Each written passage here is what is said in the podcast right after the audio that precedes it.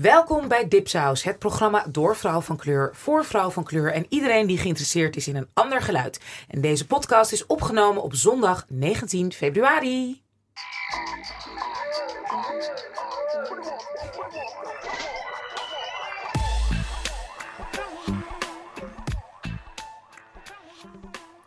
Welkom bij de achtste aflevering alweer. Uh, vergeet je niet te abonneren via dipsaus.net.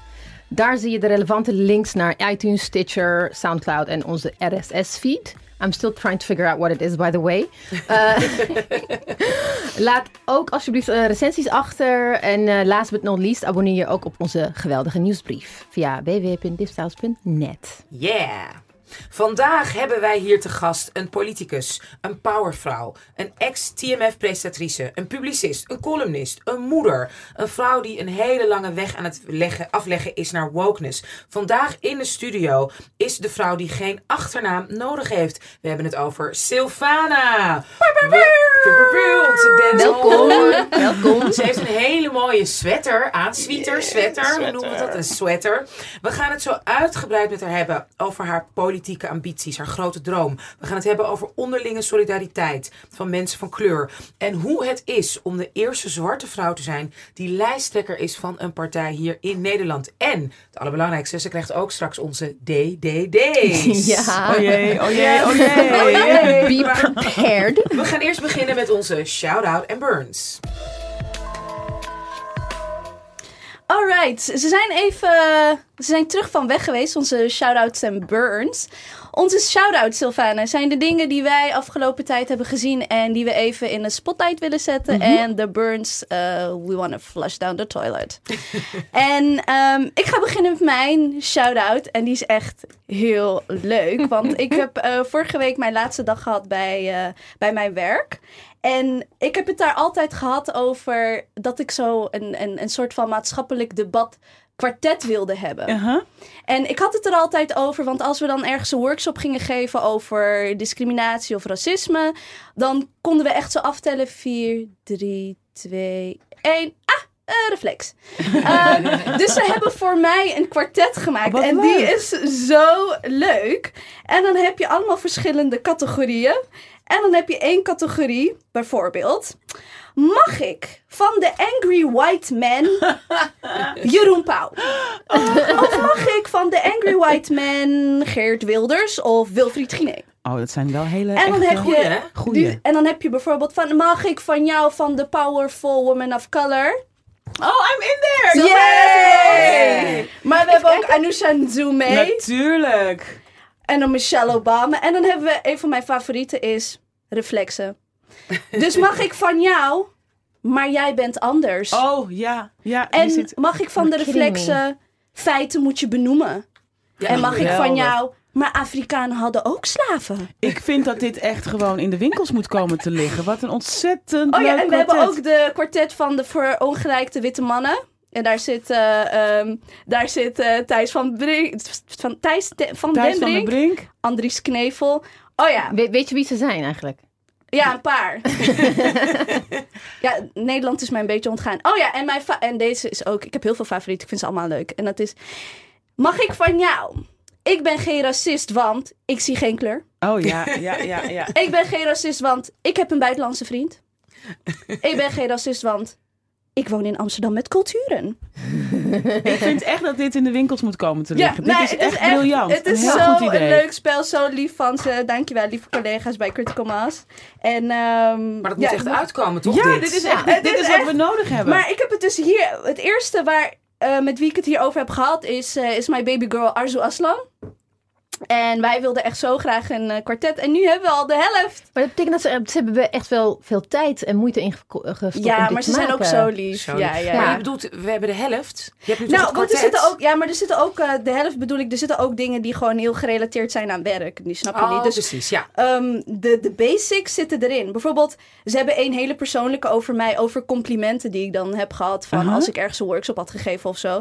En dan mochten ze op een post-it schrijven van eh, wat ze dachten dat ik was of zo. Ging dan over vooroordelen. En dan staat er bijvoorbeeld, bijvoorbeeld in Mexicaanse schone. Oh, Dat is, eh, What? Ja, they thought I was Mexican.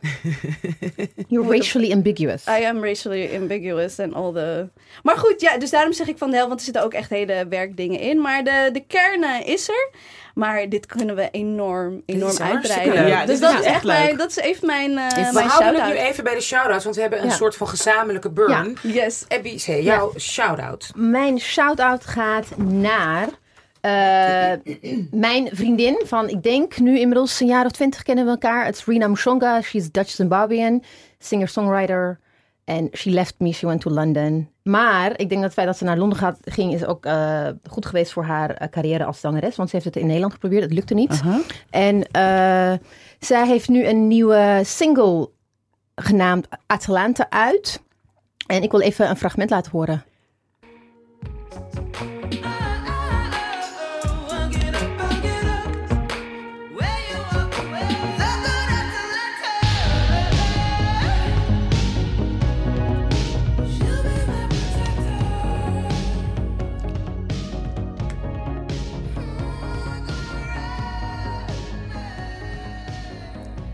Ik ben echt enorm trots op haar. En ik wil dit eh, even tegen haar zeggen. Ja, Eh, ik wil even iets tegen haar zeggen. ja tuurlijk.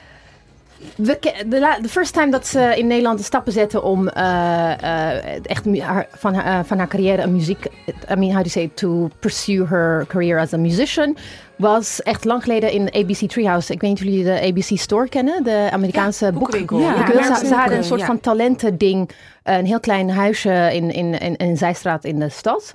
En I remember the first time we went there. En dat ze ging met haar gitaar ging zingen. En from there to gewoon een BuzzFeed.com listicle. Ja, ik ben echt zo geweldig, trots, Rina. geweldig. Yay. Gefeliciteerd. Ja. It's only the start. It's Ja, only precies. the start. precies. Ja. En Anousha, wat Ja. is jouw shout-out? Ik heb ook een shout-out. Nou, ik ben eh, half Cameroens. Mijn vader komt uit Cameroen. En ehm Cameroen is eigenlijk een beetje het... eh, als Nigeria het Amerika is, is Cameroen een beetje het Canada. Als eh, Nigeria ja. zeg maar Nederland is, is Cameroen een beetje het België. Ja. Wat zou dat Nederland zijn? Een beetje suffig, heel liefdevol. Weet je, er is daar, natuurlijk is er van alles aan de hand. Ontzettend corrupte eh, dictator die daar, ik weet niet hoe Ja. lang ziet, met een hele interessante vrouw. Chantal moet Google haar maar even. Je weet niet wat je ziet. Chantal Bia. Chantal Biya, die gaan we eigenlijk moeten we die echt in de nieuwsbrief zitten. Haar fashion style. Zij is echt, zeg maar, Beyoncé on steroids. Wauw. Qua look. Zij is de first lady of Zij Cameroon? is first lady of Cameroon al eh, 100 jaar. Oké. En eh, we worden elk jaar met 90, 99 procent eh, van de stemmen gekozen. Nou, wat Goeie geweldig. campagne. Ja. Heel Misschien nog de, voor de Ja, 99. Ik weet niet of je het moet willen, maar ga, Ja. ga verder. Precies. En, eh, maar goed, Cameroen is op zich een heel vreedzaam land. Nooit wat aan de hand, want het is een, een economisch zeg maar redelijk stabiel. En ehm, ontzettend vruchtbaar. Dus er is eh, gelukkig Ja. weinig honger. Tuurlijk heel veel corruptie, hele slechte infrastructuur. eh, vreselijk wat daar allemaal gebeurt. Maar redelijk oké. Maar nu is er al een tijd een, ehm, een strijd gaande tussen de Engelstalige en de Franstalige provincies. Want van de tien provincies zijn, Fra- zijn acht Franstalig en twee Engelstalig. En de twee Engelstaligen, daar komt mijn familie vandaan. En dat hoorde eigenlijk, nou, ten eerste is het allemaal bij elkaar ge, ge- ge- Ja. ges- gescrupt in 1880 hè, op zo'n Ja. congres door Europese landen. En ehm, eh, na de Tweede Wereldoorlog hebben ze het nog een keer gehusseld. En eigenlijk horen de twee Engelse provincies meer bij Nigeria, zouden ze er eigenlijk meer moeten horen. Oké. Maar zitten ze dus bij Cameroen en zitten ze dus bij een Franstalig gebied. Terwijl, ja, Ja. daar, daar wordt bijna geen Frans gesproken. Maar dat wordt dus al heel lang een beetje, ja, nogal onderdrukt. Terwijl het zijn twee rijke, hele voed, hè, vruchtbare provincies met heel veel grondstoffen. Er wordt er heel veel gehaald en komt er weinig naar terug. Aha. En nu zijn mensen daar een beetje klaar mee. En, en ja, is er dus een heftige nou ja, politieke strijd gaande. Daar zit ook de internethub van Cameroen zit daar. Ah. Dus ontzettende start-ups en hele bijzondere bedrijven. Aan de Engelse kant. ja, de Silicon Valley van Ja. eh, zeg maar West-Afrika zit in het Engelstalige gebied. En ze hebben daar laatst ook gewoon internet gewoon afgesloten. Volgens mij is het nog steeds afgesloten. Nog steeds, toch? al heel lang. Echt heel heftig. En toch wil ik een shout-out geven, omdat het redelijk vreedzaam allemaal gaat. Ik ben heel trots op iedereen die, die voor de rechten opkomt. We horen er hier heel weinig Nee, over. ik, ik, het ik echt met open mond te luisteren. Ja, Ja, maar het ja. is wel interessant dat je dat zegt, want ik heb wel een artikel gelezen in The Guardian hierover. Het is een schrijfster from Cameroon en she, she told this divide between French and the English speaking one. Ik ga het even opzoeken en I'll put it in the Laat- show notes. ja, dat ga ik doen. de maar ook iets anders. De Africa Cup. Maar ze hebben dus de Afrika Hallo. Cup gewonnen. Ja. dus dat Gefeliciteerd. een geweldige shout-out. Echt Ja. heel bijzonder. En ik hoop dat dat gaat helpen. Maar ik in zie, deze maar ik zie ook, voor ja. hè, eh, eh, emancipatie van het Engelstalige gebied. Ja, ik zie, maar ik zie ook in eh, Gambia, ik zie steeds een, een soort van hele voorzichtige, bescheiden trend in ehm, voorzichtige stappen naar democratisering. Ja, Ehm, En nou, vooral ook Gambia, naar autonomie. Hè? Naar, Ja. eh, eh, eh, kijk, er is natuurlijk in al die Afrikaanse landen een, een, een democratisch systeem geïmplementeerd, zoals jij zegt, ooit door derden. Eh, en nu merk ik dat eh, eh, de emancipatie losbarst en mensen zeggen, we willen het zelf doen. ja precies. En wel binnen een democratisch systeem. En daarvan kun je zeggen dat is ook opgelegd ooit. Eh, maar vooral autonomie is volgens mij waar mensen Ja. eh, naar op zoek zijn. En wat een groot probleem is, is natuurlijk de macht van de corporaties. Hè? Ja. Van de Ja. de, de, de Ja. 1% van de gigantisch Ja. grote bedrijven, Ja. de Shells, de, de ja, en multinationals. de corruptie in de wereld van de NGO's en, eh, en noem het allemaal en maar ook op. dat. Ja, ja, en ook dus eh, hoe Frankrijk, hoe Frankrijk eigenlijk met de ex-kolonie omgaat. Ja. Dus verschrikkelijk, de- ongelooflijk. Ja. de, they call it what uh, colonization by depth colonization. De Ja. Dat is de nog they steeds. Ja. belasting. Ja. Frankrijk int gewoon belasting bij alle Ja, het is- het is schandalig. vijanden. Ja, ja, ja. En echt miljoenen, hè? gigantisch. Dus nou ja, toch, hè, dit klinkt een beetje... We wilden, dit is een shout-out, ik ben heel blij met de Africa, met de Africa Cup. En nou, go, eh, go eh, Anglophones. Goed zo. Oh. Oh, en we gaan nu naar onze... Ja, we hebben een gezamenlijke burn, Ja.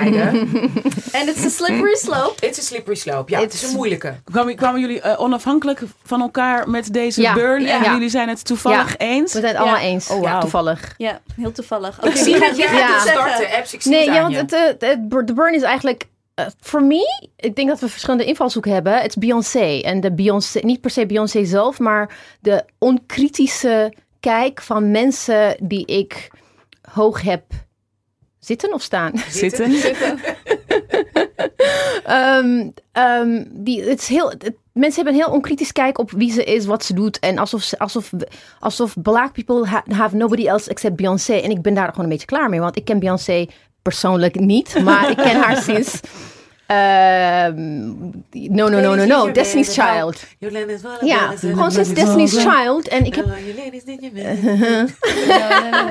Ik ben heel benieuwd naar wat je gaat zeggen. want Echt heel ik vind eh, dat zij, zij wordt, how do you say, she, she has become de, de meetlat langs wie alle zwarte mensen en zwartheid en art wordt gemeten. En ik denk van, hoezo? There are so many, so, ma- so many more, other people. En besides dat, hoe ze zichzelf ook neerzet de laatste tijd als een soort eh, amalgamation, een soort verzameling van verschillende godinnen. Ze is en een Afrikaanse godin, eh, West-African. En ook, ze zet zichzelf ook neer als Mara- eh, moeder... eh, de, Als Maria, mo- moeder van, Maria. Moeder Maria van Jezus. Ze, ze gebruikt dat iconografie, eh, wat ze in... in, de, hè, was dat? In ja, haar optreden. in haar Ja. optreden. They use this iconography, Christian iconography, waarin eh, halo's worden gebruikt om heiligheid aan te duiden. What is she holy? Sinds wanneer? Weet je, dat ze zichzelf zo neerzet, denk ik van, Ja, ik vond when het did that happen? Ik vond in het filmpje van, van de Grammy vond ik het wel dat ze dan zo loopt naar de stoel en dat al die danseressen dan zo. Ik, ik ben In- daar in ik hou daar, aanbidding. ik hou daar aanbidding, niet. Ik nee. hou er Ja. helemaal niet van. Maar ik wil wel echt zeggen dat Lemonade een van de beste Absolutely. albums is Absolutely. waar ik naar echt heb geluisterd. En ik ben nu weer opnieuw, opnieuw. Het is zo geweldig Ja. gemaakt. Alle liedjes, ze gaan alle kanten op. Ze heeft een geweldige stem. Adele did not deserve that. no. Ehm, Maar wat, is jouw, wat was jouw reden om eh, ook Beyoncé deze week eh, in de burn eh, eh, te zetten? Ja, voor mij ging het beetje... Ik vind dat lastig, omdat ik ehm, ehm, ehm, geen moeder ben. Maar ook haar take daarop en de hele fotoshoot. En, ehm, en dat ik van dichtbij heb gezien ook hoeveel eigenlijk pijn het eh, moederschap kan zijn. Of dat, dat dat zeg maar standaard wordt van, van, van moederschap. Dat je, ehm, en ik, ehm, zeg maar zo'n hele hoge lat van moederschap. Van je moet een goddess zijn en je moet je kinderen dragen en et cetera. Terwijl ehm, mijn zus heeft net tweelingen voordat Beyoncé tweelingen had. Ja, die was lekker mijn, zus, eerst, ja. mijn zus heeft op 23 december een jongen en een meisje op de wereld gezet. En, en She has three hearts. She has three hearts. Ja, dat soort dingen. En, ehm, maar ik vind het lastig, omdat ik geen moeder ben, om daar een oordeel over te hebben. Maar omdat ik mijn zus wel en haar struggles zie. En hoe zwaar het voor haar was. En, en dan inderdaad wat Ebise zegt, van daar moet je dan eigenlijk een beetje mee gaan vergelijken, weet je wel. Van kijk hoe geweldig ze is, terwijl mijn zus gewoon het heel zwaar eigenlijk had. Ehm, maar daarnaast ook... ehm, ja, toch heb ik wel, wel moeite op de kritiekloosheid Van, ehm, ik heb dan de afgelopen week ging elke podcastaflevering dat ik op mijn telefoon had, ging erover van, we don't want to talk about anything, we just want to say it's amazing, amazing, amazing, amazing, amazing. Ja. En dan ga ik een beetje in mijn Ja, reflex maar kijk, zitten op van... zich, fandom, er is niks mis met being a fan of Beyoncé. Ik heb daar geen enkele moeite mee. If, if you like her music, I like her music, I love her music. En voornamelijk, ik ben echt fan van Destiny's Child. Toen ze solo ging, eh, vond ik de eerste album leuk. En daarna was ik een beetje, eh, ik had zoiets van, want she was doing things waarvan ik dacht van, het spreekt mij niet aan. She was very much on the respectability politics richting ging ze, vond ik.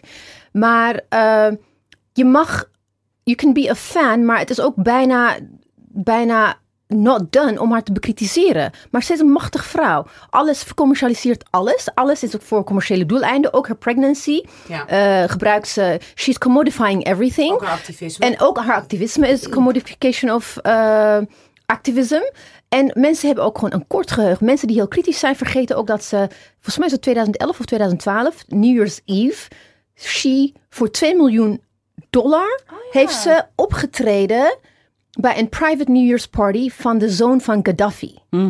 En ze is pas, eh, pas toen het in, de, in het nieuws kwam, heeft ze, eh, ik denk echt veel later gezegd van, oh nee, ik, ge- ik geef het geld aan, eh, Een aan, goed een, doel. aan een goed doel. She's very, ze is heel erg op, op de, how do you say it? She's in it voor, voor, voornamelijk voor zichzelf en voor gaining whatever. Prima, maar ga dan je kritische, je critical vermogen laten de mensen gewoon helemaal varen. En dat denk ik van, dat kan, it's, it's weird Dat for het me. prima is om het allebei te doen. Het is prima to love her music en to get information en dat soort dingen. Maar tegelijkertijd is het toch ook prima om te zeggen van ja, ik weet niet eh, Ja. of haar activisme echt integer is Ja. of wat dan ook. Kijk, ik, heb, ik, ik, ik vind het bijzonder dat ze in ieder geval stappen heeft gezet. Ze heeft iets commercieels, hè. Ze heeft het omgezet, absoluut, in commercie, activisme. Maar dat was wel nodig. Het was wel op een heel goed moment, vind ik, in de Amerikaanse geschiedenis. Dat, het, ja, dat er heel veel discussie over was, over politiegeld. En zij heeft het op een, zeg maar, nou ja, cookie-cutter manier een beetje mainstream gemaakt. En daar kan je, daar heb ik ook kritiek op, maar het is toch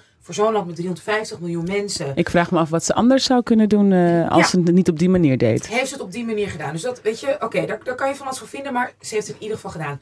Maar voor mij was het nu met die Grammys, ik ben gewoon klaar met je zelfverheerlijking. Ik Ja, ben er het is gewoon echt- moe van. Nou, van- ik, ben ook geen ik- grote fan. Ik vind haar muziek leuk, enig. ik ben niet zoals jullie van, oh, het beste album ever vind ik echt niet. Er zijn echt, ik bedoel, als ik luister naar Nina Simone, achter Ja, de piano, met Ja, eigen gemaakte teksten in de jaren 60, Ja. toen er nog zo ongeveer segregatie was, denk ik, sorry. Eh, hartstikke leuk, I'm sorry, maar niet te vergelijken met met dat. Sorry, I'm Ja, vind sorry. ik echt een ander niveau. Maar goed, oké, ik vind haar stem ook mooi. Maar ik vind niet de meest waanzinnige stem die ik ooit... vind ik echt niet hoor. Het is geweldig geproduceerd. Maar het is een... Hè, dus er zijn betere stemmen. Dus, maar ik vind haar een fenomeen hoor. Ja, absoluut, dat is ze. Maar die zelfverheerlijking... Ja. Nou, ik, ik, ik ben echt, eh, ik, ik vind het wel leuk, want ik, ehm, ik ben het denk ik niet zo met jullie eens. Ja, nee, eh, ik zo mooi. Ja, dat zou gezellig kunnen worden vandaag. Nee, maar ik, eh, ik snap heel goed het gevoel van being a goddess op het moment dat je kinderen draagt. En ja, het doet af en toe, zeker een bevalling doet veel pijn en is ellendig. En ik heb geen idee hoe het is als het er twee zijn. En eh, ook hoe zwaar dan zeker zo die eerste jaren moeten zijn met een tweeling. Eh, maar ik herken wel degelijk het gevoel, eh, wat ik zelf eigenlijk heb ervaren bij mijn eerste zwangerschap. Het gevoel van dankbaarheid en de realisatie. Ik had echt letterlijk tijdens het bevallen van mijn oudste kind, een, een, een jongen, had ik het gevoel van oké, I have to be divine. I have to be a goddess. Because otherwise zou ik dit niet. Ik bedoel, ik ben lekker thuis. Eh, tuurlijk romantisch, maar echt waar. Lekker thuis in mijn eigen bedje met een kopje thee erbij bevallen.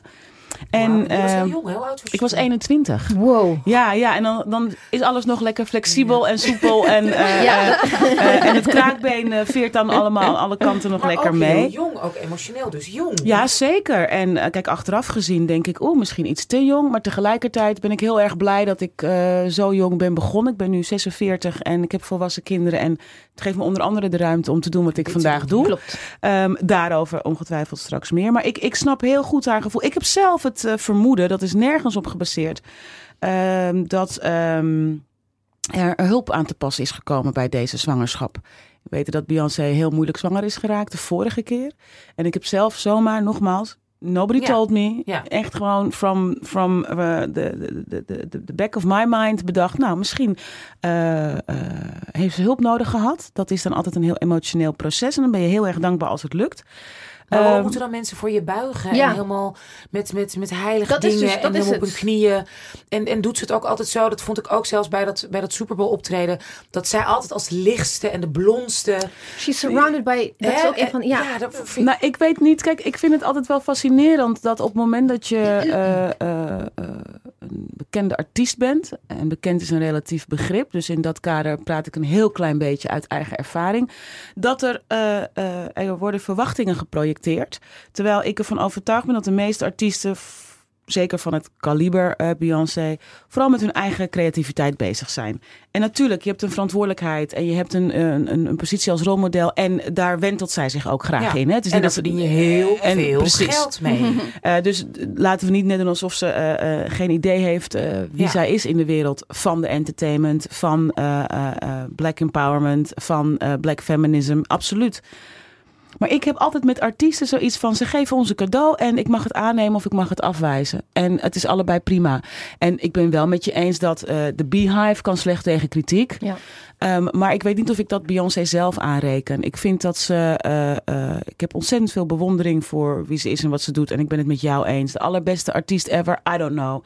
One of the best performance, performance, performance of our time. Nee, Absoluut. daar, daar ben ik het met je eens. Maar ik ben, ik ben er niet eens met wat je zegt van dat we haar niks kunnen aanrekenen. Want she capitalizes on wat wij van haar vinden. En Ja. she know, en, en she, Ja, en daar, maar daar staat ook iets tegenover. En dat is wat veel mensen niet zien. En dat is dat, eh, dat is voor haar onontkoombaar. Eh, Ja, yes, en maar aan de andere kant ook, ze, ze, ze kan, she, she surrounds herself with artists, maar ze gebruikt ook heel vaak, ze laat zich inspireren. Je kan zeggen dat ze zich inspi- laat inspireren door anderen, maar je kan het ook gewoon omdraaien van, because she's so powerful, dat ze ook gewoon Jatten. andermans werk jat. Mhm. Ja, en, dat is een en, en dat ze haar eigen ding van, het is een dunne Ja. scheidslijn. Nee, dat ben ik eens en, met je. en Ze zet ze- weinig andere artiesten in een zonnetje. Klopt, weet je, dat is gebruikt, ze, ze heeft het, het geld en het netwerk om andere creative people naar zich toe te trekken en daar iets van te maken. En Beyoncé is the genius who's... Nee, she has a whole machinery around But her. we don't need, maar dat is hetzelfde met. Ik weet nog wel dat Big Brother op televisie kwam in Nederland. Ja, ik ook. Ja, dat kan ik me nog Ben wel oud. herinneren. En toen ehm, eh, werden al die mensen in een huis opgesloten en die moesten 24 uur per dag een microfoontje dragen. En ik zat thuis op de bank en ik was al een tijdje werkzaam bij de televisie. En ik weet hoeveel moeite wij altijd deden om zo'n microfoontje te verstoppen. En ineens eh, eh, werden er allerlei geheimen onthuld van het televisie maken. Waarvan ik even drie kwart van een seconde dacht: shit, ja, maar dat is niet de bedoeling. Ja, ja, ja. Ik wil helemaal niet eh, weten dat als ik iemand op televisie zie praten, dat daar bij wijze van spreken ergens een microfoontje verstopt zit. Ik wil ook niet weten wie de mensen achter Beyoncé zijn. Ik denk dat de, dat de, de diehard Beyoncé-fans daar simpelweg niet in geïnteresseerd zijn. En voor mij is dat ook onderdeel van wat zij dus heel goed doet. eh, het creëren van een, een, een, een, een mythologie rondom haar. En daar kun je inderdaad van denken eh, dat ehm, daarvoor moet je uitkijken dat het niet naar eh, narcisme Ja. overhevelt. Ja. Dat- maar- ja, maar tegelijk- Is het al, vind ik hoor. Nou, absoluut. Ik, ik, daar kan ik me. Ik, I think we can have a beautiful discussion eh, daarover Ja. voor urenlang. Uren, Ja. denk ik heb er, ik heb er een keer een hele avond over gedebatteerd eh, met publiek en deskundigen.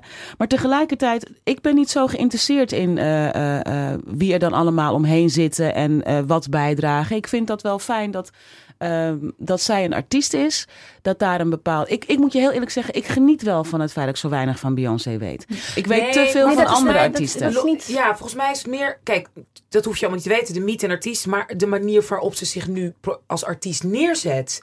vind ik over een grens Ja. gegaan. Ja, ik, dat is zo de, de Ik- Grammy optreden. Maar goed, ja. Ik denk dat, het, ik denk dat zij zich nu zo voelt. She, she feels Ja. blessed, she feels holy. No, no, she doesn't feel blessed. She feels like she's a goddess waar No, iedereen moet vereren. you don't is, know what dat she is feels, zij though. zich, eh, Trust. Ja, maar dat is Dat wat is hoe waar. het overkomt. Maar Bij dat jou is- komt het maar zo dat- over. Ja. en Maar dat is ja, wat ze wel ja. neerzet. Echt met literally een heilige... Hallo? Maar hoe heil, hoe- de, de, heiligheid is de heiligheid die jij er nu aan toeschrijft. Nee, dat zijn... I mean, dat, nee, Nou, ze gebruikt anyway. wel echt Oké. klassieke symbolen. Absoluut. Ze gebruikt Ja, dat- klassieke zij- symbolen. Iemand die, alles niet? iemand die sinds 2005 alles van zichzelf documenteert. Een speciale kamer heeft waarin ze al haar materiaal al But jarenlang why bewaart. not? I would if I could. Alles, dus die denkt... Nee, ik bedoel, daarmee, daarmee kan ik alleen maar mee zeggen... zij denkt heel goed na. Absoluut. En haar team Ja. over elk symbool, alles wat ze naar buiten Eens, denkt. eens. Nou, we komen- dat is juist leuk van Dipsaus. Ja, ja, ja, ja, ja, ja. Perspectieven, Ja. verschillend. Ander geluid. Ja. Ander geluid. En daarin En daarom hou ik ook veel meer van Rihanna.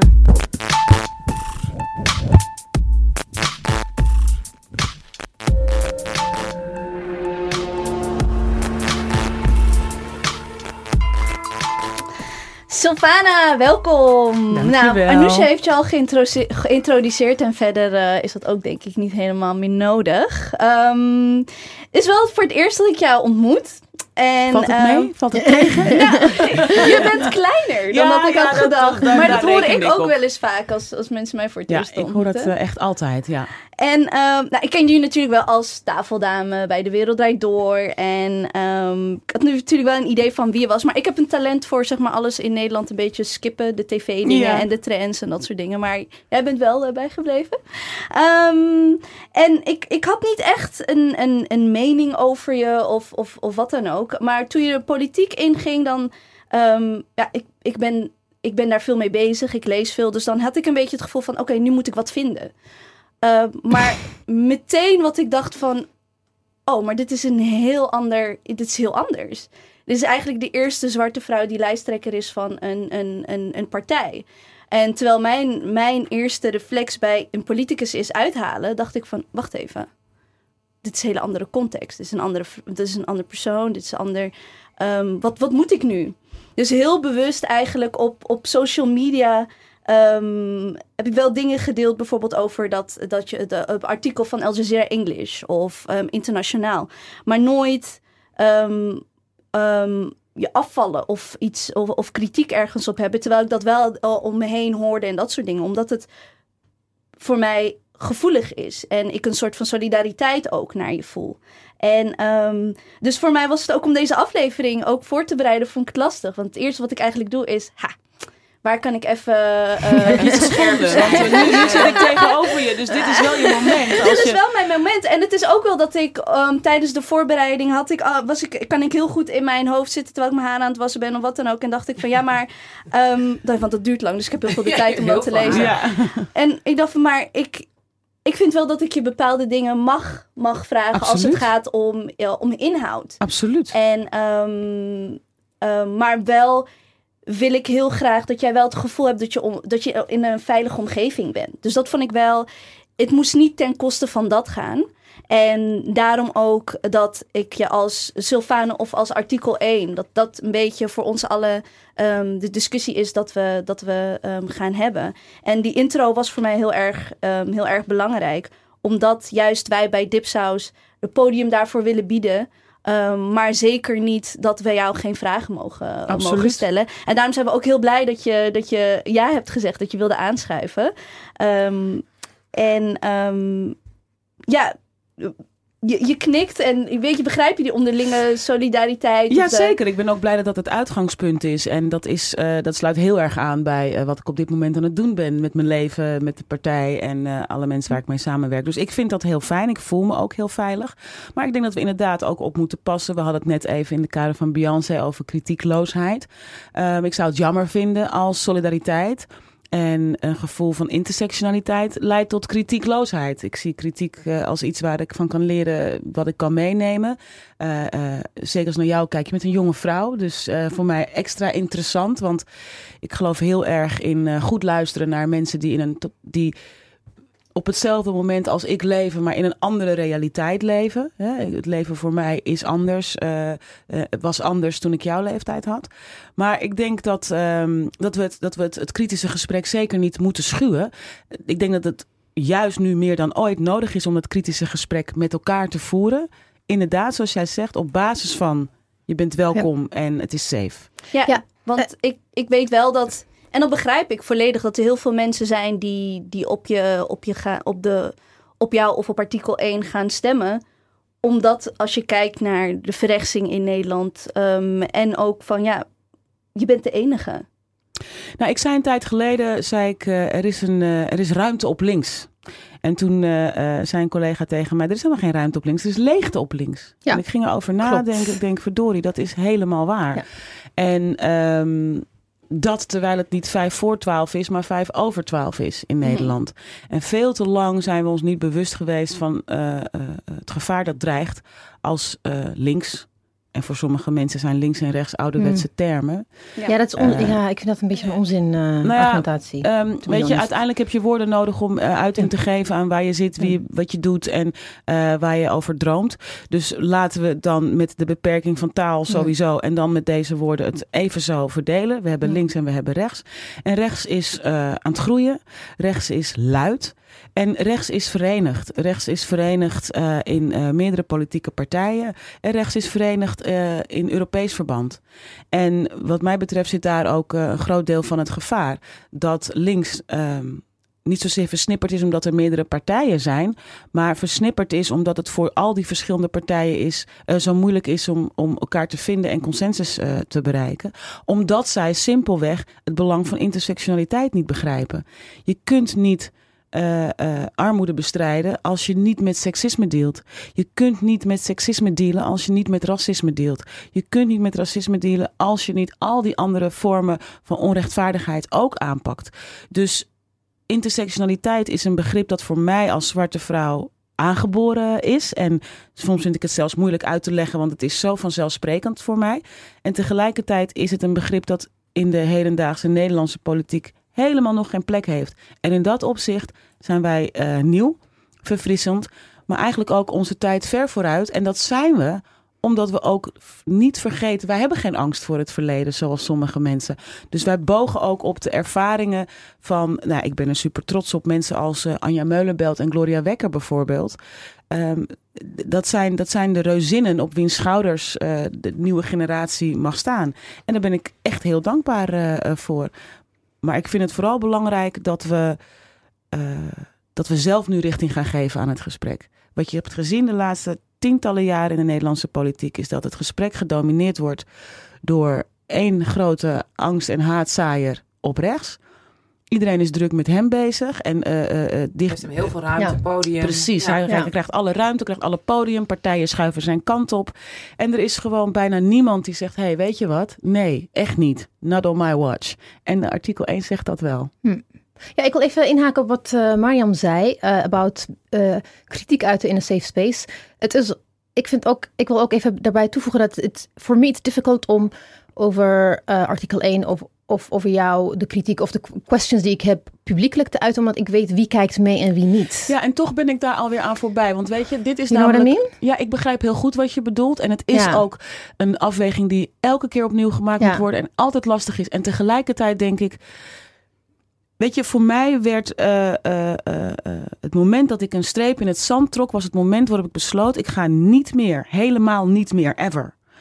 De, het ongemak van de ander Ja. en het eventuele misbruik van de ander... belangrijker maken dan mijn eigen ongemak. Ja. En we moeten dit soort gesprekken voeren. En zolang wij dit soort gesprekken niet in het openbaar voeren, zullen we elke keer dat we het wel doen erop worden aangevallen. En Dit ik is- zie het ook als Ja, een soort ja, van ja. emancipatie. Ja. Dat Dit is wel waar, maar ik wil ook niet. Maar aan de andere kant wil ik niet. Kijk, in, in zo'n space wil ik het prima gewoon kritisch vraag stellen. Maar niet als ik het bijvoorbeeld op Twitter doe of, of iemand vraagt me een quote of wat, denk ik van, maar wat Nee, gaan ze met mijn, tuurlijk. wat gaan ze met je laat mijn woorden doen? Ja, Dat ja, is het. ja, dus ja, ik, ik, ja. ik heb dat altijd in mijn achterhoofd wanneer ik. eh, be- dit is weer een, een andere dipsaus onderwerp, denk ik, om echt hierover te praten. Want, Maar because- wat bedoel je precies? No, out, uit of, out of solidarity, ik zou niet. Je krijgt al zoveel over je heen.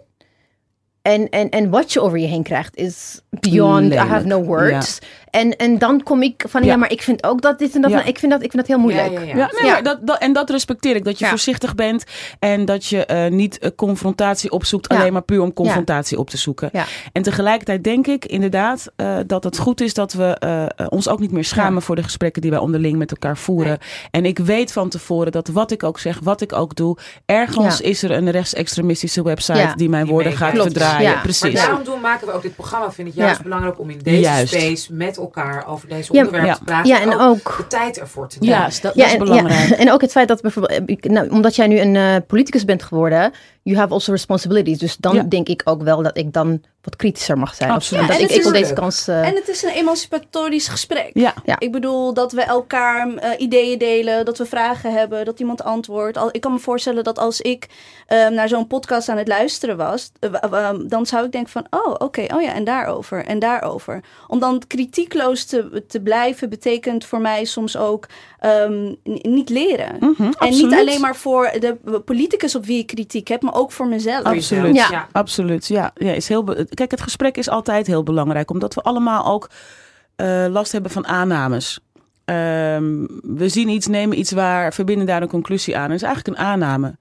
Dus het is heel belangrijk om met elkaar te praten en verder te vragen: wat bedoel je daarmee? Waarom zeg je dat? Waarom kies je daarvoor? Ja. Ehm, die nuance, dat missen we nu heel erg in het politieke debat. Eh, ik word heel vaak uitgenodigd voor debatten en ik zeg altijd: ik kom alleen als ik in dialoog kan gaan. Want een debat is voor mij een eh, geregisseerd eh, eh, spelletje ruzie. Ja. En ehm, een dialoog, daarmee kun je in ieder geval tot elkaar komen of ruimte scheppen om nuance aan te brengen in een verhaal. Wat heb je de komende tijd nu veel debatten gepland staan? Ja, een aantal, eh, een aantal grote debatten, tenminste voor mij grote debatten, want het is voor mij natuurlijk allemaal nog heel erg nieuw en heel erg vers. Eh, maar we gaan op, ik ga op televisie in debat met eh Thierry Baudet bijvoorbeeld, tijdens Oei. het Lagerhuis. Wauw. Ja, eh, je, moet het maar, eh, je moet het maar gewoon een keer doen, denk ik dan. En eh, natuurlijk ook in het land en hier in de stad, in Amsterdam, ga ik zoveel mogelijk in debat. Dus- En ik ga vooral, voor wat mij betreft, het liefst naar de plekken waar ik denk dat ehm, men op zijn minst open staat voor een nieuw geluid. En dat wil niet zeggen dat ik alleen maar voor eigen parochie wil preken.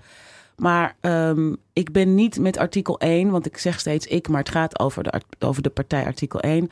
Ik ben niet op zoek naar eh zieltjes winnen of eh, mensen van mijn gelijk overtuigen. Ik wil graag met mensen in gesprek wiens hart al open is. En wiens mind al open is voor nieuwe inzichten of eh, andere ideeën. En, ehm, Bij wie dus een beetje de deur op een kiertje staat, maar... De, eh, nou, bij sommigen staat die wagenwijd open. Laten we dat niet vergeten. Er zijn heel veel mensen die echt intrinsiek vanaf de eerste dag dat artikel 1 bekend maakte te bestaan. Binnen een uur hadden we gewoon al leden. Dat zijn mensen die gewoon puur op basis van het ideaal en vertrouwen eh, zich hebben aangemeld. Maar het gaat mij er vooral om om like-minded people te mobiliseren. Omdat Ja. we meer willen zijn dan een politieke partij die alleen maar focust op 15 maart 2017 Ja. we denken verder dan 15 maart 2017. En ik heb zelf wel eens in alle onbescheidenheid de term politiek activisme ingebracht.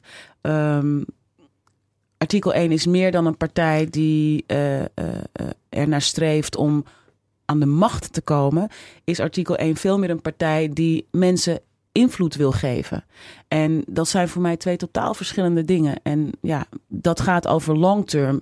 Ik zeg altijd, mijn droom is dat mijn achter, achter, achter, achter, achterkleinkinderen vol trots kunnen zeggen: Tuurlijk ga ik stemmen. Ik stem op artikel 1. Die partij Ja. is door mijn over, over, over, over, overgrootmoeder eh, En opgericht. daar gaan we het zeker nog over hebben, want jullie partijprogramma is er.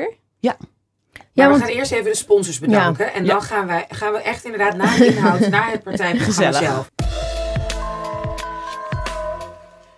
Dank aan onze mediapartner Salto. En ook natuurlijk shout-out naar Revue, het geweldige bedrijf dat onze nieuwsbrief faciliteert. Abonneer je en mis geen enkele flavor van de World of Dipsaus. Dat kan allemaal via www.dipsaus.net. En lieve mensen, laat ook een recensie achter. Wat vind je van onze podcast? Laat het weten op iTunes, Stitcher of anywhere else. En last but not least willen wij het Stimuleringsfonds voor de Journalistiek bedanken die dit programma meer dan mogelijk maakt. En nu, Kom maar op. drum roll please. Eh, nu gaan we het even. Ik, ik heb, eh, wij hebben afgesproken dat we, dat we even een aantal punten uit de. Niet, niet per se echt puntsgewijs dat we het partijprogramma doornemen. Want ik gewoon eh, op basis van wat ik gelezen heb, eh, heb ik een aantal eh, vragen. Maar eerst een algemene vraag waar ik heel erg benieuwd naar ben. Is toen jij. eh you joined Denk. Why did you join? Ik gewoon heel kort. Waarom heb je. Waarom heb je gewoon de stap Ja. naar politiek gezet? Ja. Nou, de stap- voor activisme? Of... Nee, eerst ja. En Denk in de eerste Ja. instantie. Nou kijk, ehm, op het moment dat Denk mij uitnodigde voor eh, een gesprek, eh, was Denk de enige partij in Nederland die eh, racisme op de politieke agenda Ja. heeft gezet. Expliciet, ja. Expliciet, met veel verven, met veel fors. En eh, dat trok mij heel erg aan. Ik ben ze daar ook nog steeds dankbaar voor. Eh, ik wist al jaren dat de traditionele politieke partijen voor mij geen plek hebben. Eh, dat ik daar niet eh, de invloed kan uitoefenen die ik graag zou uitoefenen binnen een politieke partij. Activisme. ehm, ik ben niet het soort activist en ik heb er altijd heel erg veel bewondering voor jou, Anousha. Ik zie jou op te pas en te onpas, eh, bij tij en ontij, met je kinderen op straat staan. En, Nou, ehm, lang niet zoveel als echt, als, als echt hardcore activist nou hoor. ja, ik, Ja. dat- ik, ik vind het al heel wat. En ehm, ik ben erachter gekomen, dat is niet mijn manier van eh, oppositie eh, eh, eh, eh, drijven. Ja, ja, dat was ook een van mijn vragen. Want ik vroeg me af, met, met your cloud as a celebrity, iemand die, die bekend is al heel lang eigenlijk. Je bent eh, eh, in het vak echt heel lang. Would it, it would have been better to be a community organizer eerst, voordat je politiek ingaat, zodat je ook een soort achterban hebt. Misschien Want- wel, maar het is grappig, want het is bijna dezelfde, het, hetzelfde verwachtingspatroon als bij een, een, een wereldster als Beyoncé. Kijk, in eerste instantie ga ik niet ingewikkeld Ja. over doen. Ehm, gaat het over wat, wat, over wat mij persoonlijk eh, drijft en ook Hmm. over wat mij persoonlijk past. Ik ben dus geen eh, eh, organisator Ja. van demonstraties en bijeenkomsten en dat Hmm. soort activisme. Dat ligt mij helemaal niet. Wat ik belangrijk vond, was dat ik in het in daar waar binnen. Kijk, ik geloof heel erg dat we vanaf drie lijnen activisme nodig hebben. Dat is gewoon grassroots, on the ground. Mhm. Mensen die inderdaad gewoon hun, eh, hun eh, borden beschilderen en eh, op straat gaan staan. We hebben dat ook nodig vanuit het middenkader, het maatschappelijke organisaties. maar ook mensen die op de werkvloer of bij de school van hun kinderen, op wat voor manier dan ook, actie voeren en in verzet komen. Maar we hebben het ook binnen de politiek nodig. Het is de enige plek waar het er nu nog niet is. En als ik zie dat bepaalde structuren ten grondslag liggen aan institutioneel racisme, dan wil ik daar waar die structuren gevormd en gemaakt worden, in de plek, op de plek waar beleid gemaakt wordt, waar eh, wetgeving gemaakt wordt, dan wil ik daar in actie komen, omdat ik denk dat het die plek mij het beste past. En daarmee moedig ik alle activisten en alle moeders en alle eh, eh, vrouwen op de werkvloer aan om vooral door te gaan met wat zij al zo fantastisch doen. Maar ik ben liever een, een, een ally. Eh, Binnen de politiek. binnen de politiek. Voor die groep. Voor, Ja. die, voor diezelfde groepen. Eh, want daar kan ik van meer betekenis zijn. Ja, want je, want je hebt heel veel bewondering voor, voor activisten, activisme. Ja. En volgens mij, ik, volgens mij was het in een artikel waar je ehm, een beetje ehm, zei van eh, iets over boosheid. Mhm. Ehm, terwijl ik denk, voor Weet mij, je nog wat ik zei over boosheid? Ehm, volgens mij, We we- ja, het is tijd om meer dat, dan alleen boos te zijn of zo. Ik wil niet alleen Ja, maar boos ja, zijn. Vanuit ja, de ja, haat. ja. Ja, niet Ja. meer vanuit de ja, haat. en terwijl ik voor, en ik, ik weet dat ik echt voor een paar activisten spreek, overal ter wereld. ehm, dat soms boosheid, eh, boosheid een energie is, een drijfveer. En dan denk ik altijd na, eh, aan Maya Angelou. Die zei van, anger is good, but as long as it's, it, as it moves you. Nou en kijk, je, het maakt dat je het niet Een bitter van mijn favoriete documentaires is She's Beautiful When She's Angry. Het is een documentaire die gaat over wat er gebeurt op het moment dat vrouwen zeggen enough is enough. Ik ga me kwaad maken en ik ga verandering eh, eh, in gang zetten. Eh, absoluut. Ik denk, ik denk ook echt dat er plek is voor... En, en ik zei laatst nog tegen iemand... eh, mensen hebben me heel lang eh, beschuldigd of being an angry white, angry black woman. En I'm, I'm finally starting to get real, real angry. Weet je, Ja. ik wees dat in het begin nog wel af. Ik ben geen angry ja, black maar daarom, woman, but daar heb ik ook wel right vragen over. Want, Maar laat me heel even ja. antwoord geven op deze vraag, anders ben ik het straks weer kwijt. Ehm, die boosheid is een fantastische kracht. Het is echter, we zijn, we zijn zo ge- geconditioneerd om. We hebben de politiek opgegeven. Ik hoor in, in jullie opmerkingen heel duidelijk dat ehm, eh, toch de aanname weer dat, dat eh, eh, fysiek activisme krachtiger is dan politiek activisme. En I beg to differ. We moeten het. Ik geloof ook altijd dat veranderingen op de werkvloer binnen organisaties, die moeten zowel top-down als bottom-up gebeuren. En niet één van de twee. Dus ik zie het eerder als een Ja. versterking van het activisme waar ik zo ontzettend veel bewondering voor heb. En dat eh, mij denk ik gewoon minder goed ligt. Weet je wat ik denk? Niet dat wij dat krachtiger vinden. Niet dat ik nu voor mijn collega's wil spreken, maar als ik over mezelf praat. Het is alleen zo dat in Nederland, Mhm. juist ook vanuit politiek en vanuit zeg maar, het maatschappelijk midden of vanuit vanuit zeg maar de elite Ja. ontzettend weinig respect is voor grassroots activisme. Ja, en dat- Terwijl en- hier dan in de Bali Amerikaanse activisten worden uitgenodigd en ik weet niet waar overal en speeches en prijzen winnen. En dan de mensen hier die dit Ja. dus allemaal mogelijk maken, op wiens schouders jij ook staat, Absoluut. die worden niet gerespecteerd. Nou, en dat- daarom ben ik heel met je eens. Dat is denk ik meer onze vraag. Dat we hopen dat jij dat inderdaad als politicus heb jij die, die, die mogelijkheid om dat wat wel wat meer te doen. En deed zo'n interview mij ook een beetje pijn. Dat ik denk, waarom moet dat nou weer gezegd worden als eerste? Omdat je- terwijl ja. er zo weinig waardering al is voor de, niet voor mij, maar voor de mimis, Voor voor de- de, ja, arzus, ja. voor de echte Ja, want Nee, maar dat, wiens schouders ik, laat ook me- op laat me dat, een Laat me dat misverstand dan even rechtzetten. Ik heb mad love en respect voor activisten. Ik heb ook met willens en wetens activisten op de kandidatenlijst Op staan. Hè, Fatima Faid is de nummer Ja. twee op de lijst. Eh, ze komt uit de krakersbeweging. Fatima is iemand, de- daar moet je echt geen, geen bullshit verkopen. Eh, die zal ook nog eerder de, de, de hoed opvreteren dat ze toestaat dat we zeggen nee kraken. Dat, hè, dus dat is trust me, activism in, in, in all her glory. Gert-Jan van der Vaten, eh, eh, mensenrechtenactivist. Martijn Dekker, mensenrechtenactivist. Mensen die in hun vrije tijd de straat op gaan en verandering eisen. Ik heb daar heel veel respect voor. En ik heb zelfs in de opbouw van de partij... ben ik, heb ik een rondje gemaakt langs activisten en gezegd... jongens, reik mij ook jullie hand. Ik wil het samen doen. Ik heb jullie input nodig. Ik, eh, eh, ik wil weten wat jullie nodig hebben. Maar het, het grappige is natuurlijk, activisten moeten wat mij betreft radicaal zijn. Politici moeten wat mij betreft altijd binnen de, de kaders van de rechtsstaat opereren. En En dat, je kan binnen de ook, kader van de rechtsstaat kan je ook een radicaal politicus zijn. Absoluut. En politicus zijn in Nederland is ook gewoon niet eens alleen met andere partijen aan tafel zitten en een, een middenweg vinden of eh bolderen op zijn Nederlands. Nee, ja. Maar being a pol- politician is also onderhandelen en, en, en give and take. En als je niet, ik zeg niet per se dat je per se een activist moet zijn. Als, als, als Sylvana, je was autonoom. Je kon gewoon bij de WDD zitten en you could do your thing. Maar zodra je verbindt aan een politieke partij, je moet standpunten innemen over dingen misschien, waar, waar je misschien niet over hebt nagedacht. Maar you have to think about a lot of things. En daar ga je aan verbinden. En dan heb je mensen om je heen. En dan ga je ook met die mensen onderhandelen. Dus you kind of, for me, going into politics is also losing a certain uh, amount of autonomy. Maar stel je nou voor dat we, eh, eh, dat we, eh, dat we die gedachtegang zouden volgen. Ehm, straks hebben we met, met z'n allen als activisten een punt gemaakt. En ik denk dat het Zwarte Piet eh, eh, debat daar een heel goed voorbeeld van is. Met dank aan zoveel activisten eh, is dat nu uiteindelijk langzaam maar zeker een serieus punt van discussie. En dat mensen daarmee aan de haal gaan, dat zul je altijd houden. Maar nu, hoe nu verder? Is het dan niet tijd dat het, uh, het succes dat de activisten bereikt hebben ook gekaderd wordt in wetgeving? Ja, absoluut. En wie moet dat doen dan?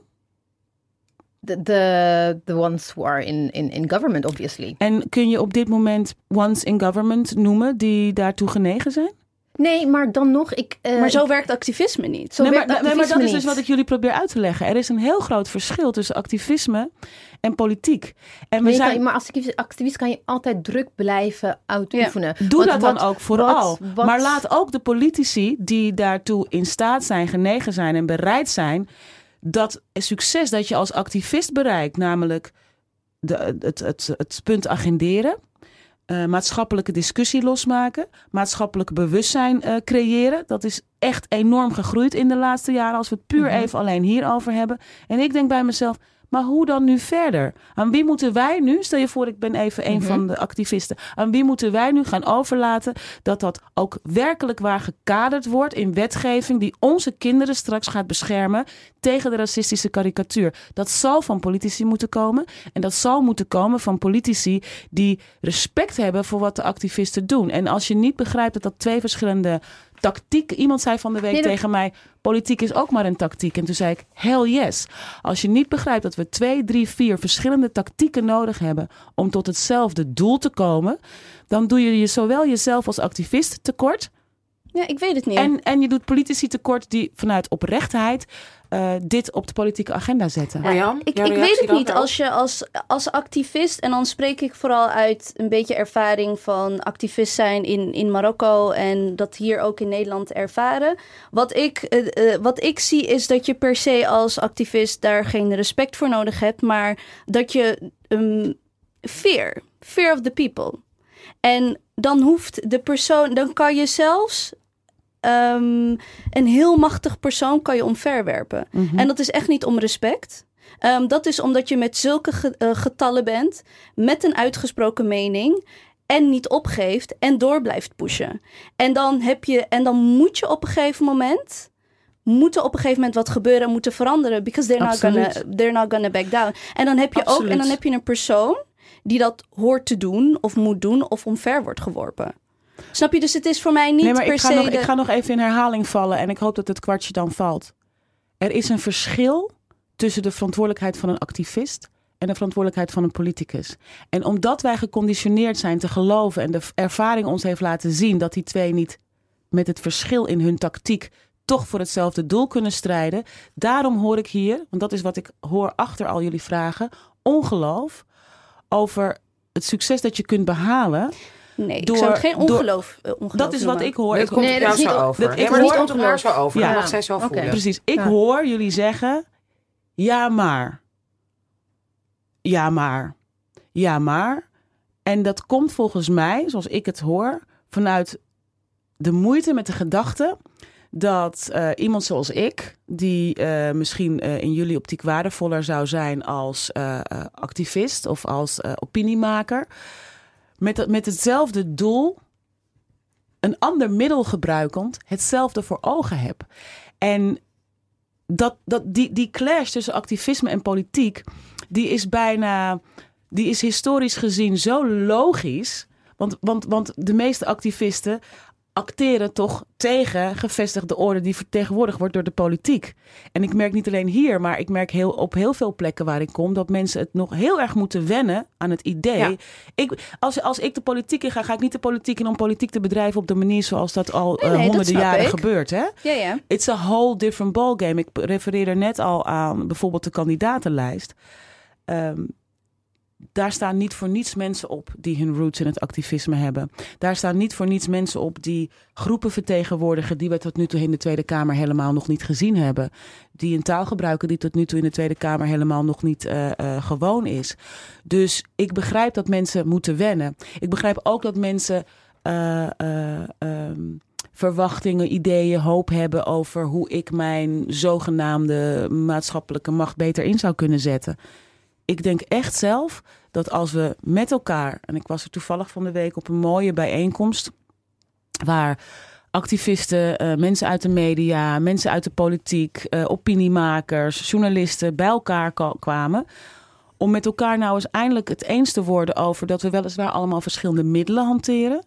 Maar dat ons doel hetzelfde is. En dat we allemaal het middel inzetten dat bij ons het beste past. Waardoor we dat middel ook het krachtigst tot haar recht kunnen laten komen. En dat is denk ik een van de grote verschillen tussen Maar deze misschien is het politieke wel goed om partij. even te kijken en naar andere. het programma. Precies, als, we, ja. als we hetzelfde Zeker, doel ja, hebben. Zeker. Ja, want eh, ik, ik vind wat je nu zegt, vind ik dan eh, op basis van wat ik gelezen heb eh, in, in het partijprogramma, het strookt niet echt helemaal met wat er staat. Vertel. En ehm, want in jullie partijprogramma gebruiken jullie woorden als radicale gelijkwaardigheid. Maar net Mhm. heb je gezegd dat radicaal Mhm.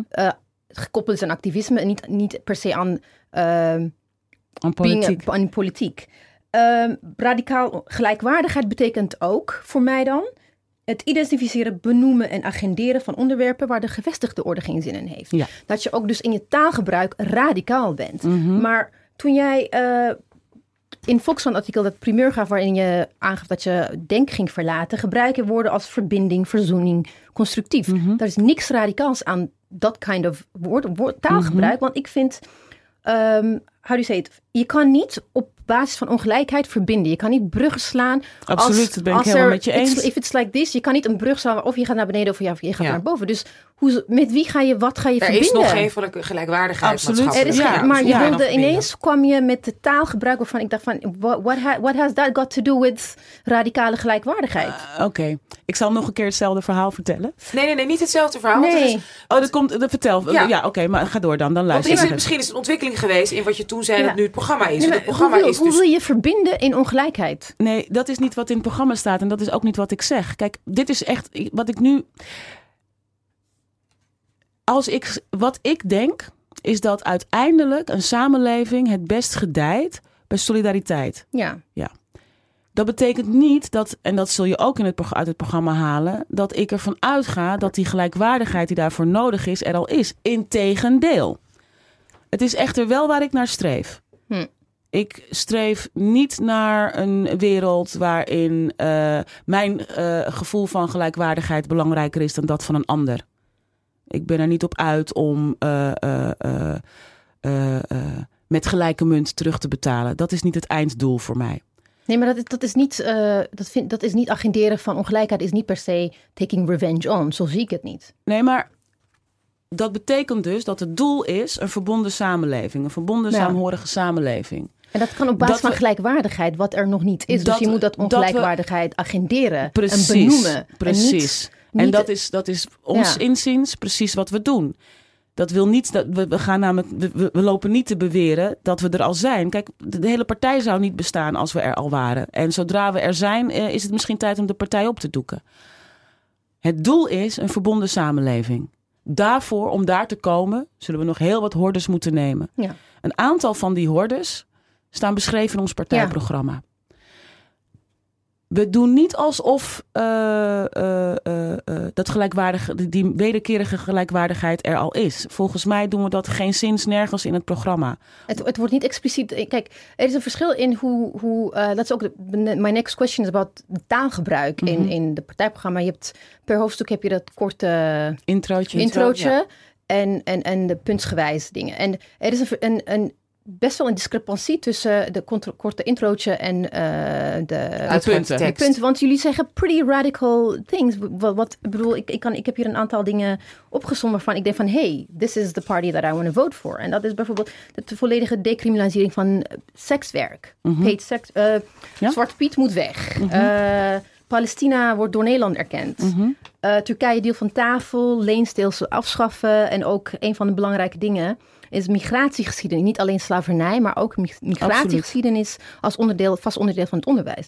Maar het taalgebruik, ik vind, ik vond eh, taalgebruik in, in, in, in, vooral in de introotjes een beetje vreemd. Want in de eerste vier hoofdstukken ik ga, ga ze even op, op, opnoemen nu. Ze houdt er niet van als ik dingen oplees, Mariam, maar ik doe het toch, want ik wil het gewoon echt even goed doen. Eh, in de vier hoofdstukken gelijkwaardigheid voor de wet, ge- gelijkwaardigheid in beleid, gelijkwaardigheid in ontplooiing en ook in, in emancipatie in samenleving komt het woord institutioneel racisme geen enkel keer in voor. Mhm. Terwijl Dat nou juist plekken zijn waar je denkt, daar komt het en, zoveel voor. Ja, en ook in, eh, in de allereerste hoofdstuk eh 1 komt het woord racisme of discriminatie niet in voor. En dan denk ik, why? Je, terwijl en, wat had, je had- zegt... en wat had die toevoeging voor jou persoonlijk Nee, nee, nee, nee, it's, not, it's, it's not about, it's not a personal thing. Het, het gaat om It is het a personal thing. benoemen- We're having, No, I'm no. having this conversation with you. Ja, it's Ja. not- yes, it's a personal thing. In the, in, in it's, het is taal, taal is macht. Weet taal ik. is en wat, politiek. en maar wat, daarom En nee, vraag ik ja, ook, wat zou het toe hebben Nee, gevoegd? taal is politiek. Taal is macht. Absoluut. En taal is niet neutraal. Dus als Vertel er me. woorden gebruikt... Kijk, want je worden woorden gebruikt als minderheden-onvriendelijke reflex. Discriminerende uitingen. Waarom hebben jullie ervoor... These are euphemismes. Waarom Ja. hebben jullie voor euphemismes gekozen in plaats van om, te- Nou, om het te zeggen van... Te benoemen. Het heel even, institutionele even serieus. racisme- Even, even, heel even, heel even, Ja. heel even. Because I understand your passion. And I respect it a lot. But if you're going to ask me questions, you gotta let me answer. Oké, Ehm, je kritiek is eh, terecht. Ik denk dat eh, eh, eh, eh, we daar veel scherper in hadden kunnen formuleren. Tegelijkertijd, en dat vind ik dus zo jammer, ehm, ben ik ervan overtuigd dat als we nu in deze fase van een politieke partij die zeven weken bestaat, zeven weken, en in die zeven weken een heel eh, eh, systeem van ontmoedigende democratie heeft eh, doorstaan om uiteindelijk te komen bij deelname aan de verkiezingen, het sa- samenstellen van een kandidatenlijst, het eh, presenteren van een eh, verkiezingsprogramma en we gaan focussen op de semantiek, dan denk ik dat is een het terechte. is niet dat- semantiek. Het dat- is, het is het, wacht, nee. Ja. De- de- de- gotta, gotta let me Oké, finish. alright, alright, alright. Dan denk ik, het is een terechte discussie. Maar hij doet wel af aan het feit dat we de eerste politieke partij in Nederland zijn. die vanuit symboliek met een zwarte vrouw aan het roer. Drie vrouwen in de, in de eh, Top drie. eh, top drie. De eerste en enige partij die Zwarte Piet überhaupt agendeert als punt in het programma. Eh, een plan ontwikkeld, of tenminste een plan voorstaat dat zegt eh, we moeten eh, anders met vluchtelingen omgaan. En wij pleiten voor een veilig vluchtenplan waarbij mensen al vanuit de regio een intake krijgen zodat ze met vliegtuig kunnen komen en niet met de boot kunnen komen. En meer van dat soort punten. Dat is vanuit de politiek, niet vanuit eh, activisme, niet vanuit. mis- Ik, ik, ik heb het ook niet in mijn eentje geschreven. en Het representeert ook Ja. niet alleen Sylvana. Dat, dat begint, Nee, nee, nee, daarom, begint- daar artikel begint- 1. dat Nee, nee, nee, daar begint Ja. het al mee. Ja. Het representeert, Ja, dit, is het, dit is het resultaat Ja. van twintig mensen. Die zich toch hebben bemoeid. het beestje bij de naam. Dat Precies, Maar, als we dan Ja. daar nu over eh, gaan praten, dan, dan, dan ben ik een beetje teleurgesteld. In onszelf ten eerste, want ik denk, ik denk ja, je kritiek is terecht. Hadden we veel radicaler in kunnen zijn. mensen, ze willen mensen scannen. Ik, ik, ik lees moeten, moeten, moeten mensen, mensen zelf weten. Ik heb het, Nee. nee, moeten mensen zelf weten. Dan denk ik, ja, je kritiek is terecht. We hadden daar veel radicaler in kunnen zijn. Gewoon helder. ja. Nee, het is Toch niet ben- radicaal, gewoon helder. In plaats van ver, ver, ver, Verbloemen. bloementaal, nog een gewoon keer, je hebt gelijk. Nog Want een keer. Denk Nog doet een het keer, nog wel een keer. namelijk. Je hebt, hè? nog een keer, je hebt Maar gelijk. dus de keuze daarvoor. Vertel dan wat Ja. de keuze. Waarom die keuze? Waarom die keuze dan? Nou, het is is misschien nog niet eens een eh, hele bewuste keuze geweest. Het is meer een keuze geweest die ehm, nou ja, ontstaan is na verschillende versies en eh, heen en weer discussiëren. Eh, er is zelfs een moment geweest, want je hebt helemaal gelijk. Er is zelfs een moment geweest dat ik dacht dat ik s'nachts wakker werd en dacht: komt het woord racisme er überhaupt wel in voor? Ehm, dat zijn allemaal dingen die, eh, die voor mij, wat, wat ik veel belangrijker vind, laat ik het zo zeggen. Wat ik veel belangrijker vind, is dat met de inhoud van de standpunten we een resultaat bereiken dat recht doet aan de strijd tegen racisme, de strijd tegen verdeeldheid, de strijd tegen ongelijkheid en ongelijkwaardigheid. En dat je zegt, nou, het had voor mij wat scherper gemogen, fair enough. Daar heb ik niets tegen in te brengen. Maar waarom die keuze? Dat zeg ik net. Het was niet een hele bewuste keuze Nee, om nee, zachte woorden te kiezen. precies. Ja, het was niet Ja, een hele ja, bewuste Ja, keuze. ja. Mariam, Ja, jij wilde nog iets vragen. Ga naar het was- laatste punt. En dan ja, gaan we naar het de was meer van omdat we. Ja, ja, ja, ja. Omdat, het was meer omdat een beetje. ehm, natuurlijk za- zaten wij hier ook met het idee van. We zitten met een eh, part- eh, lijsttrekker met, van een partij dat nieuw is. En ik kan me ook voorstellen dat jullie dat onder druk en tijdsdruk hebben moeten, ehm, moeten eh, schrijven. Ehm, maar als jij het dan hebt over of de, de, het programma is, wat, wat voor mij dan eh, wel triggering is, zeg maar, als, als je het hebt over, over vluchtelingen. ehm, dat, dat er, en dan ga ik, ga ik toch specifiek even zijn, is over het Europees leger. Frontex, Fort Europa. Daar wil artikel 1 meer in investeren. En dat is voor mij toch onbegrijpelijk. Ja, dat snap ik. Je bent niet de enige. Want het is, want het is en voor de luisteraars, het, Frontex is toch de Europese agentschap dat de grenzen bewaakt. Ehm, Vluchtelingen van- buitenhuid. Vluchtelingen bui- buiten houdt, waar de meeste slachtoffers vallen. Mhm. Waar de meeste doden vallen. Mhm. Kijk, de vluchtelingenproblematiek is niet zo eh, eenduidig als het soms lijkt. Het gaat over veel meer dan alleen eh, militaire ingrijpen. Het gaat over veel meer dan defensie. Eh, en onze, en onze, eh, ehm, het gevaar van buiten Europa, voor zover je er op die manier naar wil kijken, zit hem ook niet in de vluchtelingen die komen. Wij zijn bijvoorbeeld ook voor een ministerie van Vrede en Veiligheid in plaats van eh, Defensie, omdat we daar veel meer fiducie in hebben. Tegelijkertijd kunnen we niet wegkijken van de militaire dreiging die, eh, die, die er wel degelijk is. En het is allemaal, eh, weet je, in La La Land Militaire dreiging? Ja. Natuurlijk, er, is gewoon, er zijn gewoon eh, krachten aan het werk die eh, uit zijn op oorlog. En of je dat nou zelf bent of niet, dat wil nog niet zeggen dat je je eh, niet moet verdedigen. Doe je oorlog in Europa? Binnen Europa, eh, van buiten, vanuit allerlei eh, eh, eh, kanten. En we hebben niet zozeer gezegd, we hebben toen op een gegeven moment ons conceptprogramma, weken geleden, toen we nog echt, echt nog maar net bestonden, hebben we dat eh, eh, aangeleverd aan de stemwijzer. En eh, tegen de tijd dat we eh, weken verder waren en die stemwijzer naar buiten kwam, heeft er heel veel discussie plaatsgevonden en ook heel veel wijzigingen in onze opvattingen, omdat we dat als een fluïde proces hebben benaderd. En ehm, als wij zeggen dat er geld moet, dan zeggen wij niet dat er geld moet naar bommen. Dan zeggen we niet dat er geld moet naar geweld en wapens. Maar dan zeggen we wel, laten we wel realistisch zijn. Laten we niet met elkaar doen alsof we leven in een wereld waarin er helemaal geen militaire dreiging bestaat. En laten we ook niet vergeten dat als wij willen dat bootvluchtelingen gered worden op water, dat drugs worden tegengehouden al vanaf de andere kant van de wereld, dat we daar ook een defensieapparaat voor nodig hebben die dat soort werk moet uitvoeren. Dus de nuance, en dat is, dat is ik, ik snap het heel goed. Ik snap het heel goed. En heel veel mensen zeggen, huh, ik kan het niet begrijpen. En we hebben daar intern ontzettend veel discussie over gehad. Omdat we ook een aantal ras-echte pacifisten in ons midden hebben. Uh, maar uiteindelijk zullen we ook realistisch moeten zijn. En uh, proberen, we, uh, proberen we zo goed en zo kwaad als het gaat een tussenweg te vinden.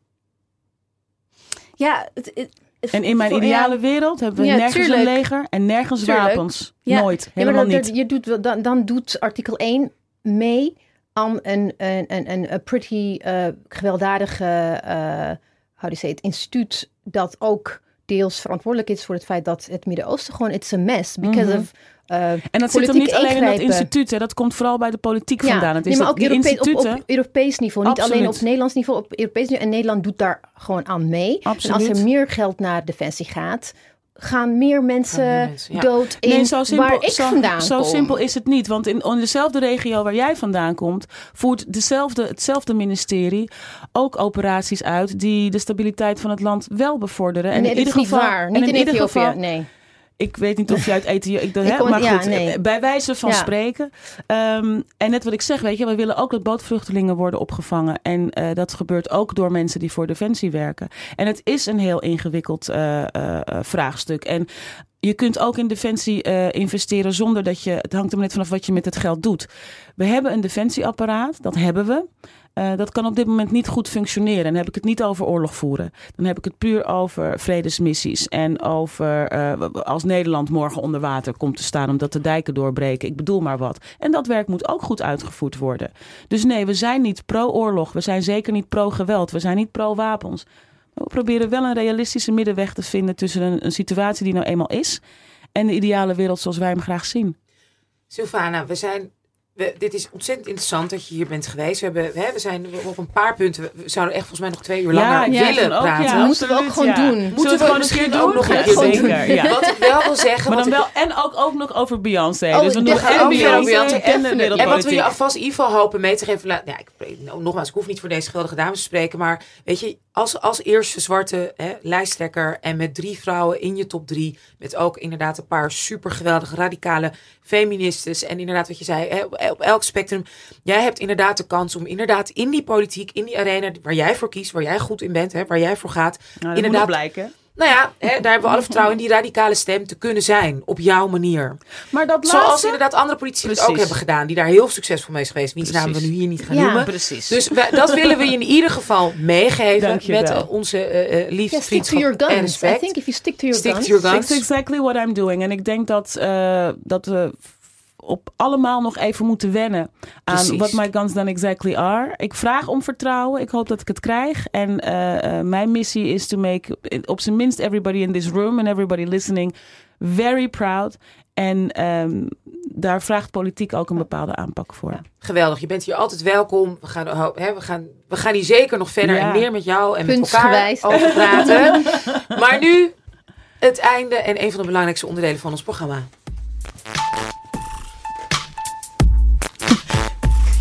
Very important.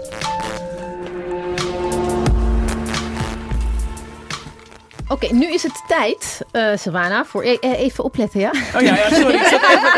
I, was, I was just chilling away. Sorry. Ehm, het is tijd voor de Dipsaus DDD's, de drie D's van Dipsaus. Oké. En de DDD's staan voor dansen, drinken of dipsausen. En met dipsausen betekenen we met wie ga je appen, beppen, hangen, chillen, weet je wel, bang hangen. oké. Dat Stuur je voice messages, stuur liedjes door. eh, ja. what, Oké. selfies, Stuur je whatever. liefdesbrieven door. Ja. Oh ja? Op Ah, WhatsApp? oh, ja, oh ja. Dangerous, Is there anything you want tell us, Mariam? Nee, ik ik, ga, hem- ik ga hem even voor mezelf houden. Ja, want je krijgt drie namen voorgeschoteld. Ja? En Dansen, je- drinken is duidelijk. Hè? Met wie Ja. wil je Ja, dansen, met wie wil je drinken, met wie wil je dit. Ja, en ja. dus je, je moet verplicht gewoon een keuze maken Ja. eh, tussen met wie je wat wil doen. Je Oké. moet. Oké, Je moet. oké, Hier komen ze. Ja? Dus met wie wil je dansen, drinken of dipsausen? Met Halbe Zijlstra, hij is fractieleider van VVD. Oh, haar wenkbrauwen. I'm thinking, je, je, je, je komt met Denzel Washington, met, met, Ja. met leuke mensen, weet Ja, je wel. ja. Matthijs van Nieuwkerk. Presentator van DWDD. Marian weet niet wie hij is. Jawel, hij zit in Hij een zit, ik kwartet. wou zeggen, hij zit Oh ja, in hij zit een kwartet. kwartet. ja. Niet Volgende kende. I don't know. En eh Seedorf. Clarence Seedorf. Clarence Seedorf. En ik mag het niet alle drie met Clarence doen. Nee, nee, nee, nee. You have to choose. Ik zou eh dipsausen met Clarence Seedorf. Omdat dipsausen is allesomvattend. Het gaat over having a good time, having good conversation. En dat kan eh, met hem, denk ik, want ik heb het nog nooit eh, mogen meemaken, heel erg goed. Dus ik zou sowieso dipsausen met Clarence. Eh, een dansje zou ik dan eh, wel met Matthijs willen doen. Omdat ik denk, hij kan volgens mij niet zo heel goed dansen. Dus dat is dan leedvermaak. Eh, Primeur, Ben je nog, ben nieuwtje. je nog tafeldame? Nee, nee, nee, nee. nee. Ik Oh, ben eh, politiek actief en dan Oh, kun je dus geen tafeldame Oh ja, meer zijn. niet. Oh, ja. En dan blijft eh, eh, eh, Drinken. drinken met Halbe Zijlstra over. en dan heb ik er alle vertrouwen in dat hij slecht tegen drank kan. Dat ik hem zo onder tafel drink. En dat hij uiteindelijk in zijn dronken hoofd in alle eerlijkheid zal zeggen... Natuurlijk ben ik niet tegen het veranderen van Zwarte Piet. Maar ja, ik zit bij de VVD, dus ik moet het wel vinden. Zoiets. En dan opnemen. Ja. Ja, ja en dan stiekem opnemen. En dan heel En stiekem dat dan opnemen. Niks, ja. Appen aan Clarence. Ik ben, ik Ja. ben heel goed in stiekem opnames, hè? Oh god, ja. Lieve Savannah. Ik heb één vraag. Oh, Your nee. hair.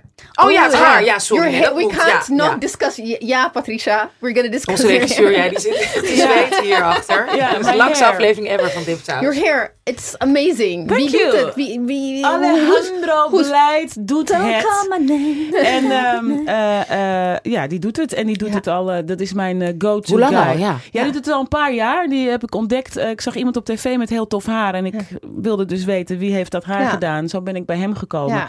En ehm, hij is de meester voor mij als het gaat over vlechten. En dit zijn crochet braids. Ik, ik, ik heb hier een vraag. Ik wil crochet braids. In is de dipsaus crochet. ja. Ja. Ah, Ik heb het nog nooit gehad. Dus oh, you're ik gonna love van... it. Ik geef je zijn nummer naar de uitzending. We Want zetten hij het ook op de nieuwsbrief, toch? Ja. dat is prima. Want hij is namelijk ook nog eens een keer the, one of the most beautiful souls you'll ever Ja. meet. Echt. benieuwd. En ik zag, dat jullie, ik zag jullie prachtige foto van, het, van Dipsaus. Jullie prachtige promofoto. En daar zijn jullie opgemaakt door zijn beste vriendin. Ja, kidding me. het Ja. is Shura.